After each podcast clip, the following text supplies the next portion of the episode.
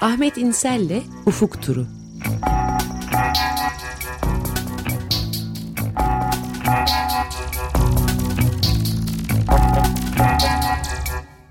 Günaydın Ahmet. Günaydın. Günaydın. Günaydın ikinize de. Evet ufuk turu bu sefer Fransa'dan başlıyoruz galiba il genel meclis seçimleri vesaire sürpriz sonuçlar da elde edilmiş. Ee, il genel meclisi ve e, bölge meclisi. Fransa'da e, biliyorsunuz dört e, idari aşama var. E, 2000 e, 1982 e, ademi merkeziyet yasasından beri belediye var. Ee, ama Türkiye'deki gibi e, bütün ili kapsayan e, belediye değil. Bizim eski e, büyükşehir belediyesi sistemi kurulmadan önceki belediye kavramı hala burada geçerli. Yani bazı belediyeler 500 nüfuslu, bazı belediyeler e, 5 milyon nüfuslu. E, takriben 30 bin civarında belediye var, komün dedikleri. Bu e, yerel e, bazda e, oluşan idari birim özel idari birim. Onun, onun üstünde il genel meclisi var. Onun üstünde bölge genel meclisi var. Ve onun üstünde de parlamento var. Yani dört e, idari parlamento ve e, cumhurbaşkanlığı. Şimdi Fransa'da bu iki e, ara e, bölgenin yani il genel meclisi ve bölge genel meclisi e, seçimleri aynı gün yapıldı. E, birinci ve ikinci turları e, birer hafta arayla ve pazar günü geçen pazar e, birinci turda katılım Fransa tarihinin en düşük böyle bir seçimde Fransa tarihinin en düşük katılımı olmuştu. Yüzde 32 33 civarında katılım olmuştu. Çok düşük. İkinci turda da bir puan arttı katılım. Değişmedi. Yüzde 35, 34 buçuk, 35 civarında 35'te kaldı katılım. Bu tabii çok ciddi bir e, demokrasi e, krizi demek aynı zamanda. Çeşitli gerekçeler e, ileri sürülüyor. Efendim Covid salgını nedeniyle e, insanlar e, oy vermeye gitmiyorlar diyorlar ama Covid salgını nedeniyle insanlar birbirleriyle lokantalarda e, çok daha yakın, çok daha uzun süreli temasta bulunmaktan e, kaçınmıyorlar e, serbestleştikten beri Fransa'daki durum. E Her de, yerde. E, daha geçen aydı çok büyük iklim eylemleri oldu e, Fransa'nın birçok şehrinde ve yaş ortamımız çok düşüktü katılan. Şu an seçimlere katılan katılanların yani gençlerin ise yüzde onu galiba. E, 10 ile 15 arasında değişiyor. Evet. Yaş grubuna evet. göre 18-24 değil de 18-30 alırsanız ama çok düşük. Çarpıcı. Yaş ilerledikçe katılım artıyor e, en fazla e, katılım oranının en yüksek olduğu yaş grubu e, 60 yaş üstündekiler. E, yani bu, aslında salgından en çok korkması gerekenler, en çok katılım. E, ama en fazla da aşı olmuş olanlar onlar. Onlar e, o, aşı oranı da en yüksek olan kesim onlar aynı zamanda. Ama bunun salgınla bir alakası yok. Yani o ortaya çıktı e, katılımın düşüklüğünün salgınla bir alakası yok. Havaların güzel olması veya salgın sonrası ilk defa birkaç haftadan beri her şeyin serbestleşmesinin getirdiği e, tatile gidelim, e, şehir dışına çıkalım havasından mıdır e, aynı zamanda? Bu da kısmen olabilir. Ama en önemlisi e, çok ciddi biçimde Fransa'da e, son 20 yılda bu e, ara iki ara e, idari katmanla ilgili seçimlerde katılım düşmesi var. Yani bu e, katılım düşmesini zaman içinde bir eğri olarak ele aldığınızda e, işin sürekliliği ve yapısal sorunu ortaya çıkıyor. 2004 yılında e, İl Genel Meclisi seçimlerine Fransa'da katılım yüzde 66 olmuş. 2008'de yüzde 55'e düşmüş. 2011'de yüzde 44'e düşmüş. 2015'te biraz artmış, yüzde 50'ye çıkmış. 2021'de de yüzde 35'e düşmüş. Dolayısıyla bir düşüş eğilimini ele almak uzun vadede anlamlı. Burada şöyle bir şey ortaya çıkıyor. E, Fransa'da Cumhurbaşkanlığı seçimlerine katılım yüksektir. Yüzde seksenin üzerindedir. Yüzde seksen hmm. civarındadır. Yüzde seksen 78-84 birinci turla ikinci tur arasında gider gelir. Fransa'da belediye seçimlerine katılım da o kadar yüzde seksenlere varmasa da yüksektir. E, çünkü Fransa'da bu iki kuruma seçmenler önem veriyorlar. Belediye seçimlerine önem veriyorlar. Çünkü doğrudan e, onların yüz yüze ilişkide olduğunu hissettiği ve Fransa'da en çok güvenilen kurumlardan bir tanesidir belediye.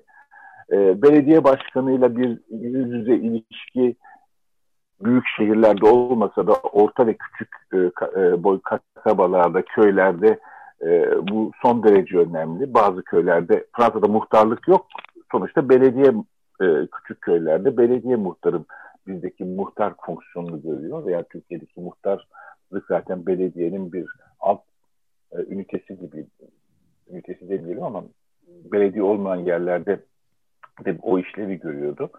E, bu e, bu ikincisi de doğrudan başkanı seçmek. Bu ikisinin arasında kalan e, ara katmanlara olan ilginin az olması bu katmanların tam fonksiyonlarının ne olduğunu e, iyi bilinmemesiyle e, bağlantılı. Biraz da doğrusunu söylemek gerekirse e, kimin hangi katmanın, hangi idari katmanın yetki ve görevleri nelerdir sorusunu vermek için de ciddi biçimde bir idari hukuku bilgisine sahip olmak lazım Fransa'da. Şimdi bir örnek vereyim size. Belediye ilkokulların bakımından sorumlu. İl Genel Meclisi ortaokulların bakımından sorumlu. Bölge Meclisi liselerin bakımından sorumlu. Şimdi bu e, üç ayrı e, kurumdan söz etmiyoruz sonuçta. Aynı Milli Eğitim Bakanlığı'na bağlı üç e, okulun üç aşamasından bahsediyoruz. Şimdi bütün bunlar tabii her seferinde seçmenin e, neyin kimden isteyeceği, kimin nerede sorumlu olduğu ve kimden hesap soracağı konusunda bir belirsizlik yaratıyor. En çok da dolayısıyla yakın işlerini yüz yüze yürüttüğü, günlük işlerini yaptığı belediyeyle e, siyaseti makro düzeyde bütünsel düzeyde izleyen e, parlamento ve e, cumhurbaşkanı seçimlerine önem veriyor. Bu adedi merkeziyet aşamasında önemli bir sorun. Çünkü belki arada bir katman fazla var. Yani il genel meclisi ve bölge genel meclisinin yan yana olması ikisini de e, biraz e, e, konumunu belirsiz hale getiriyor. Bir de buna ilaveten tabii e, seçimlerin özellikle bu yerel seçimler, bu tür ara yerel seçimler diyelim bunlara. Belediye seçimleri dediğim gibi aynı ilgisizlikten e, muzdarip değil. Bir katılım düşmesi orada da olmakla beraber e, bu e, bu ara bölge seçimlerine olan ilginin düşmesinde tabii şöyle bir e, sonuç ortaya çıktı. E, bu seçimlerde endişe edildiği gibi aşırı sağ Ulusal Toparlanma Partisi, Ulusal Birleşme Partisi veya eski adıyla Ulusal Cephe özellikle Fransa'nın Güney Marsilya ve Nice arasındaki bölgeyi kaplayan arasındaki bölgenin bölgede e, bölge seçimlerini kazanması endişesi vardı. Yüksek bir ihtimal gibi gözüküyordu. Olmadı. Bu Marine Le Pen'in e, Marine Le Pen'in partisi 12 bölgenin hiçbirinde bölge seçimlerini kazanamadı. Hatta birçok yerde birinci e, turda beklenen oyu alamadığı gibi ikinci turda birinci turda ol, aldığı oyları da alamadı. Ve sonuçta hemen hemen her yerde birkaç yer hariç hemen hemen her yerde bölgelerde e, e, var olan partiler ve var olan bölge başkanı seçimleri kazandı. Bir süreklilik arz ediyor dolayısıyla. E, bunda da tabii e, daha çok yaşlı nüfusun e, bir tür istikrar arayışı e, ağır bastığı için e, Macron'un bütün hesapları alt üst oldu diyebiliriz. Macron'un yeni durum diye teş- e, tanımladığı şey için biraz boş bir e, e, balon e, olarak ortaya çıktı ve eski durum olarak e, gösterilip eleştirilen, e, karikatürize edilen duruma e, o istikrar bekleyen seçmenler e, sağ partilere oy vermişlerse sağ partiye, sol partilere Sosyalist Partisi'ne oy vermişlerse Sosyalist Partisi'ne veya Sol Birlik e, koalisyonuna oy vererek durumu e, Macron'un e, pek hoşlanmayacağı veya hiç hoşlanmayacağı bir şekilde bitirdiler. Çünkü bütün bu karambol içinde e, ulusal cepheden Marine Le Pen'in e, partisinden de daha geride kalan parti Macron'un partisi oldu. Hemen hemen hiçbir yerde bir seçim başarısı gösteremedi. Yerel e, bir dayana olmadığı için, bir kişi partisi olduğu için bu, bu tür seçimlerde de yerel seçimlerde de yerel ol, gücünün olması son derece önemli. Yerleşmesi, e, orada varlık göstermesi, tanınması, adayların tanınması, orada işler yapmış olması seçmenler nezdinde e, tercih e, nedeni. Ama yüzde yedi almış ya yani çok inanılmaz bir şey. Şimdi yani. tabii şeye dikkat etmek lazım çünkü bazı yerlerde seçime katılmadılar, bazı yerlerde güneyde mesela e, sağ partiyi ikinci turda sağ partiyi destekleyip seçime katılmadılar. İkinci tur sonuçlarına bakarak çok değerlendirmemek lazım çünkü dediğimiz gibi ikinci turda ittifaklar oluştuğu için kimin kime oy verdiği tam belli olmuyor. Ama birinci tura bakarsak dediğimiz doğru. Dördüncü geliyor her seferinde neredeyse. Çok acayip. Cumhur, Cumhurbaşkanının partisi yani. E, ama parti olmayan bir parti evet. olduğu için de böyle yani. Evet, Cumhurbaşkanının evet, partisi işte çünkü.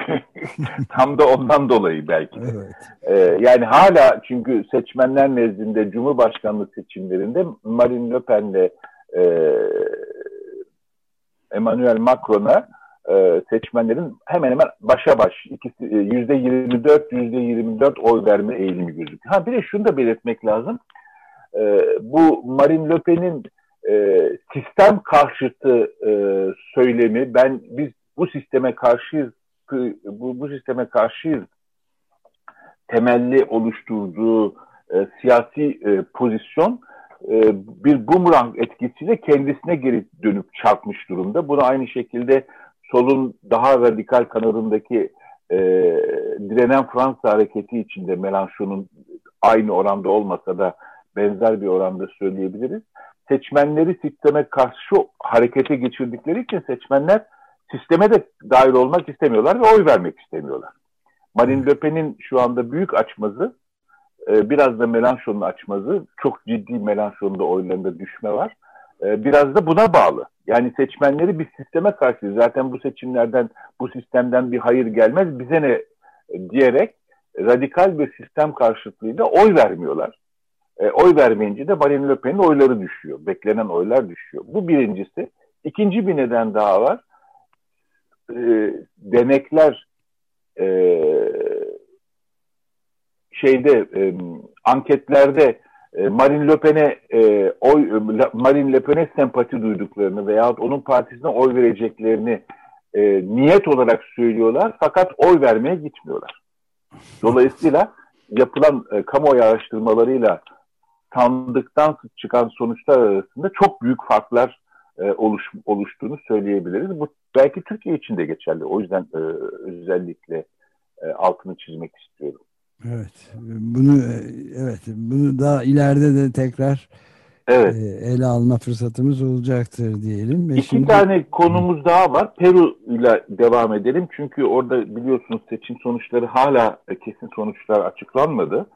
E, hatırlatalım seç, e, Peru'da ikinci turda solun adayı Pedro Castillo ile sağın adayı babası 10 yıl boyunca Cumhurbaşkanlığı başkanlık yapmış olan ve şimdi 25 yıl hapis cezasına çarptırmış olan Fujimori'nin kızı Keiko Fujimori ki o da üçüncü kez Cumhurbaşkanlık seçimlerine katılıyor.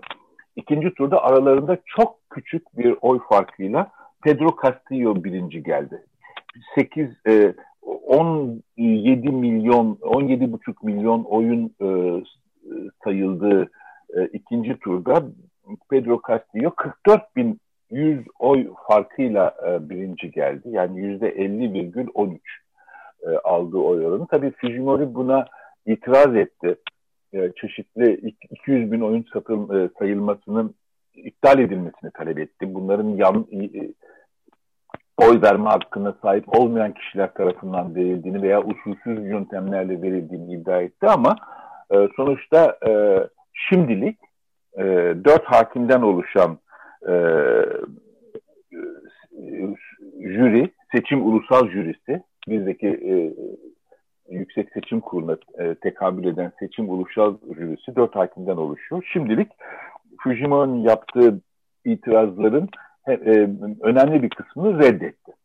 E, Avrupa pardon Amerika Amerika Devletleri Örgütü e, gözlemcileri de seçimlerde e, anlamlı tespit ettikleri bir yolsuzluk, usulsüzlük olmadığını beyan ettiler. Buna rağmen e, Fujimori ısrar etmeye devam ediyor seçimlerde haksızlık ve sahtekarlık yapıldığını. Biraz Donald Trump'ın stratejisini benimsediğini söyleyebiliriz. Bunu, bunu da hatırlamakta yarar var çünkü galiba e, seçimleri kaybeden e, popülist veya otoriter e, liderler e, bu Donald Trump yöntemine bundan sonra giderek daha fazla başvuracaklar gibi gözüküyor. Evet, Belarusya'da da gördük. Birçok yerde de göze çarpıyor evet. Sistemli bir şekilde e, ben gerçi Belarusya'da e, kendisi seçimleri kazandığını ilan etti ve elinde silahla hatırlayacaksınız helikopterden başkanlık sarayına elinde makineli tüfekle inmişti. Lukashenko karşı çıkarsanız ne halinizin ne olacağını görün demek istercesine halka. Yani Lukashenko Donald Trump'ı pek taklit etmedi. O seçimleri kazandığını ilan etti ve şu anda da hala kazanmış gibi, gibi yönetiyor e, ülkeyi. Bu seçimleri kaybetmesine rağmen e, ve seçim sonuçlarının kendisinin kaybettiğini açıklamasına rağmen seçimlerin e, hile ve hurdayla e, rakiplerine kazandırıldığını ilan etme e, stratejisi. Başka yerlerde de inşallah bizden uzak olur ama başka yerlerde de bunu önümüze görebileceğiz. Şimdi bu 23 Haziran'da bir gelişme oldu e, Peru'da. Seçim Ulusal Jürisi'nin dört hakiminden bir tanesi Hakim Luis Arce e, seçim Ulusal Jürisi'nin yani seçim e, Yüksek Seçim Kurulu'nun diyelim, Peru Yüksek Seçim Kurulu'nun e, o Fujimori'nin e, gündeme getirdiği, e, talep ettiği, müracaatta bulunduğu 10 e, iptal talebini e, tarafsız davranmayarak reddettikleri gerekçesiyle istifa ettiğini duyurdu. E, hemen e, seçim ulusal jürisi başkanlığı da hakimlerin e, seçim e, sayımı sırasında istifa etme hakkı yoktur. Bu sadece e, seçim sonuçlarını geciktirmek için e, yapılmış bir e, taktiktir diyerek hızla o hakimin yerine başka bir yedek hakim atadılar veya yedek bir hakim buldular. Yedek hakim var mıydı bilmiyorum. Dolayısıyla bu seçimlerin sonuçlarının e, ilan edilmesi taktiği boş çıktı. Geçen hafta bahsettiğimiz gibi emekli subaylar Peru ordusuna eğer Pedro Castillo seçilirse, bu komünist seçilirse seçimleri tanımama çağrısında bulundular. Onun da pek yankı e, yaratmadığını görüyoruz.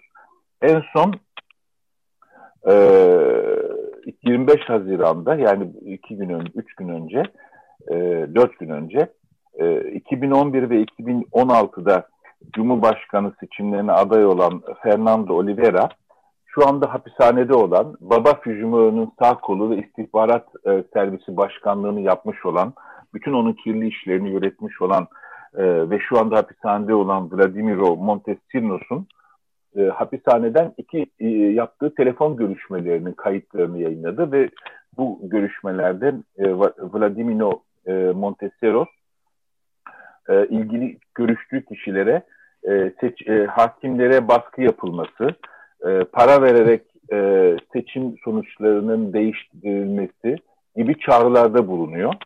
Ee, bunlar açığa çıkıyor öyle mi? Son bunlar açığa çıktı şimdi. Bu e, Vladimiro e, Montessori e, hakikaten çok şaibeli birisi. Bir gün ayrıca vaktimiz olduğunda onu da konuşuruz. CIA ile ilişkilerinden, eski CIA ile ilişkilerinden Amerika'ya sığınmış. Yani son derece karışık birisi ve e, Fujimori ile beraber işlediği suçlardan dolayı şu anda e, hapiste. E, son olarak e, Peru'da şu anda hala e, seçim sonuçları bu hafta içinde herhalde artık kesinleşecek diye bekleniyor.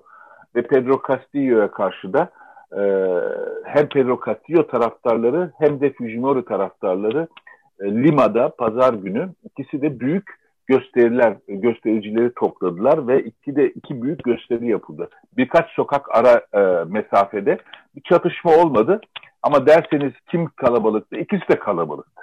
Çünkü zaten ortada tamamen ortadan bölünmüş bir Peru var. Yani bir tarafta 8 milyon 836 bin oy almış bir kişi. Diğer tarafta 8 milyon 752 bin oy almış kişi. Şimdi ikisinin arasında hangisi daha büyüktü derseniz artık o aradaki 44 bin oy e, bir tarafın daha büyük olduğu anlamına gelmiyor. Ama de iki filan gibi bir orana tekabül ediyor. Çok acayip. Evet, evet böyle ama bu Peru'nun da şu andaki halini çok açık biçimde gösteriyor e, aynı zamanda. Tamamen ikiye bölünmüş. Bölgesel olarak, coğrafi olarak, sınıfsal olarak tamamen ikiye bölünmüş bir e, ülke ve Pedro Castillo'nun komünist olduğu iddiasıyla yürütülen bir kampanya var.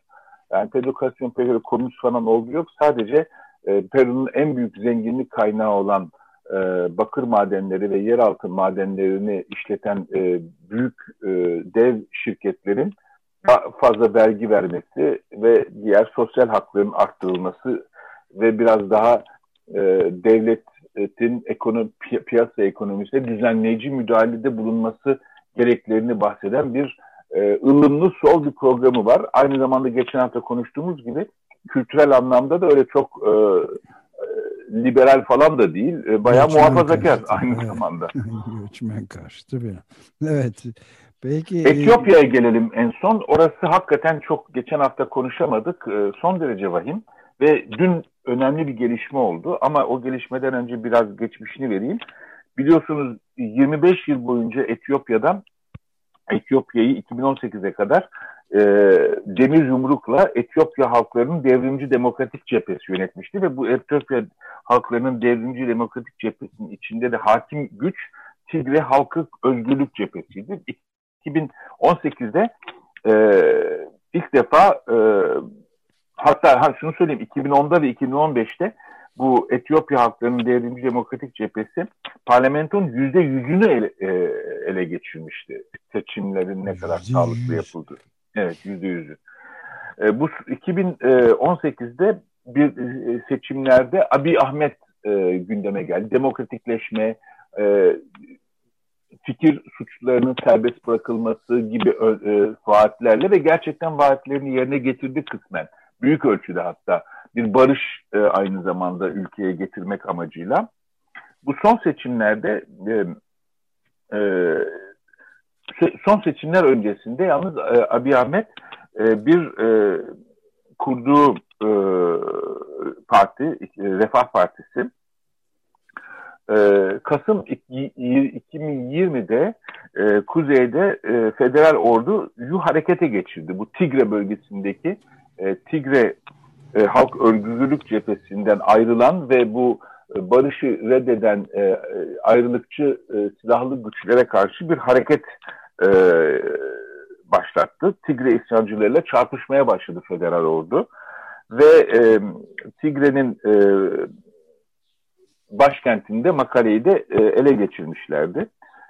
E, fakat e, seçimler geçtiğim geçtiğimiz haftalarda seçimler yapılırken tabii Tigre bölgesinde seçim falan yapılamadı.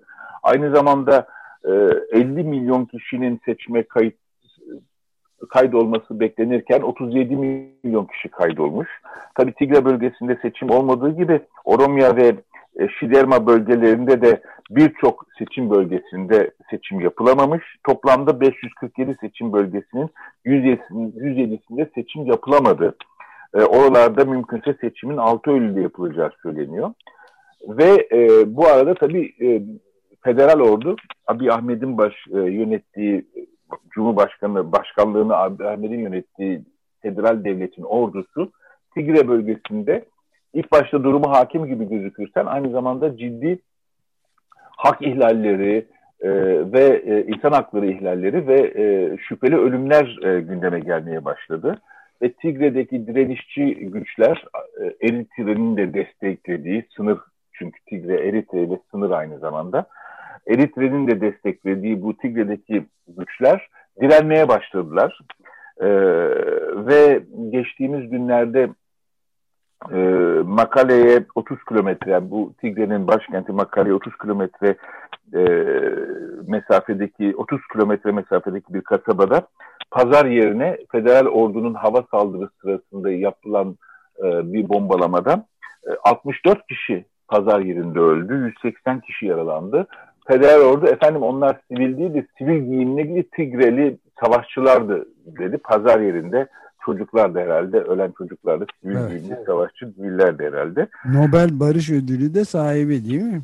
Evet, Abi Ahmet Nobel Barış Ödülü sahibi. Fakat iki günden beri çok büyük bir değişiklik oldu ve bu Tigre savunma güçleri e, karşı saldırıya geçtiler ve pazar akşamı başkent Makale'yi e, ele geçirdiler. E, Makale'den bütün federal güçler ve bürokratlar, e, resmi görevliler paldır güldür kaçtılar. Ve e, bunun karşısında dün akşam Abi Ahmet Tigre'de tek taraflı ateşkes ilan etmek zorunda kaldı. Ve şu anda böyle bir pata durumdayız. Ee, ne, nasıl gelişecek bilmiyoruz. Tek taraflı ateşkes e, ilanı tabii e, Abi Ahmet'in büyük bir e, başarısızlığı, seçimler ortada kalmış durumda. Seçim sonuçlarını kimsenin açıkladığı yok. Ve dediğin gibi bir e, e, Nobel Barış Ödülü'nün de e, biraz acele mi bu Abi Ahmet'e verildiği sorusu da herkesin aklında aynı zamanda. Evet. Çok takip edelim bunu da. Çok acı bir durum. Açlık da hüküm sürüyor ayrıca. Onu Açlık hüküm sürüyor e, ve bazı bölgelerde e, tabii bu savaş yeniden başlaması nedeniyle e, uluslararası yardım, insani yardım kuruluşları da e, müdahale edemiyorlar. Devre dışı kalmış durumdalar. Evet. Berbat bir durum. Peki süreyi de bitirdik Peki. galiba zaten. Çok teşekkürler Ahmet. İyi günler. İyi Görüşmek günler. üzere. Görüşmek üzere. Ahmet İnsel'le Ufuk Turu.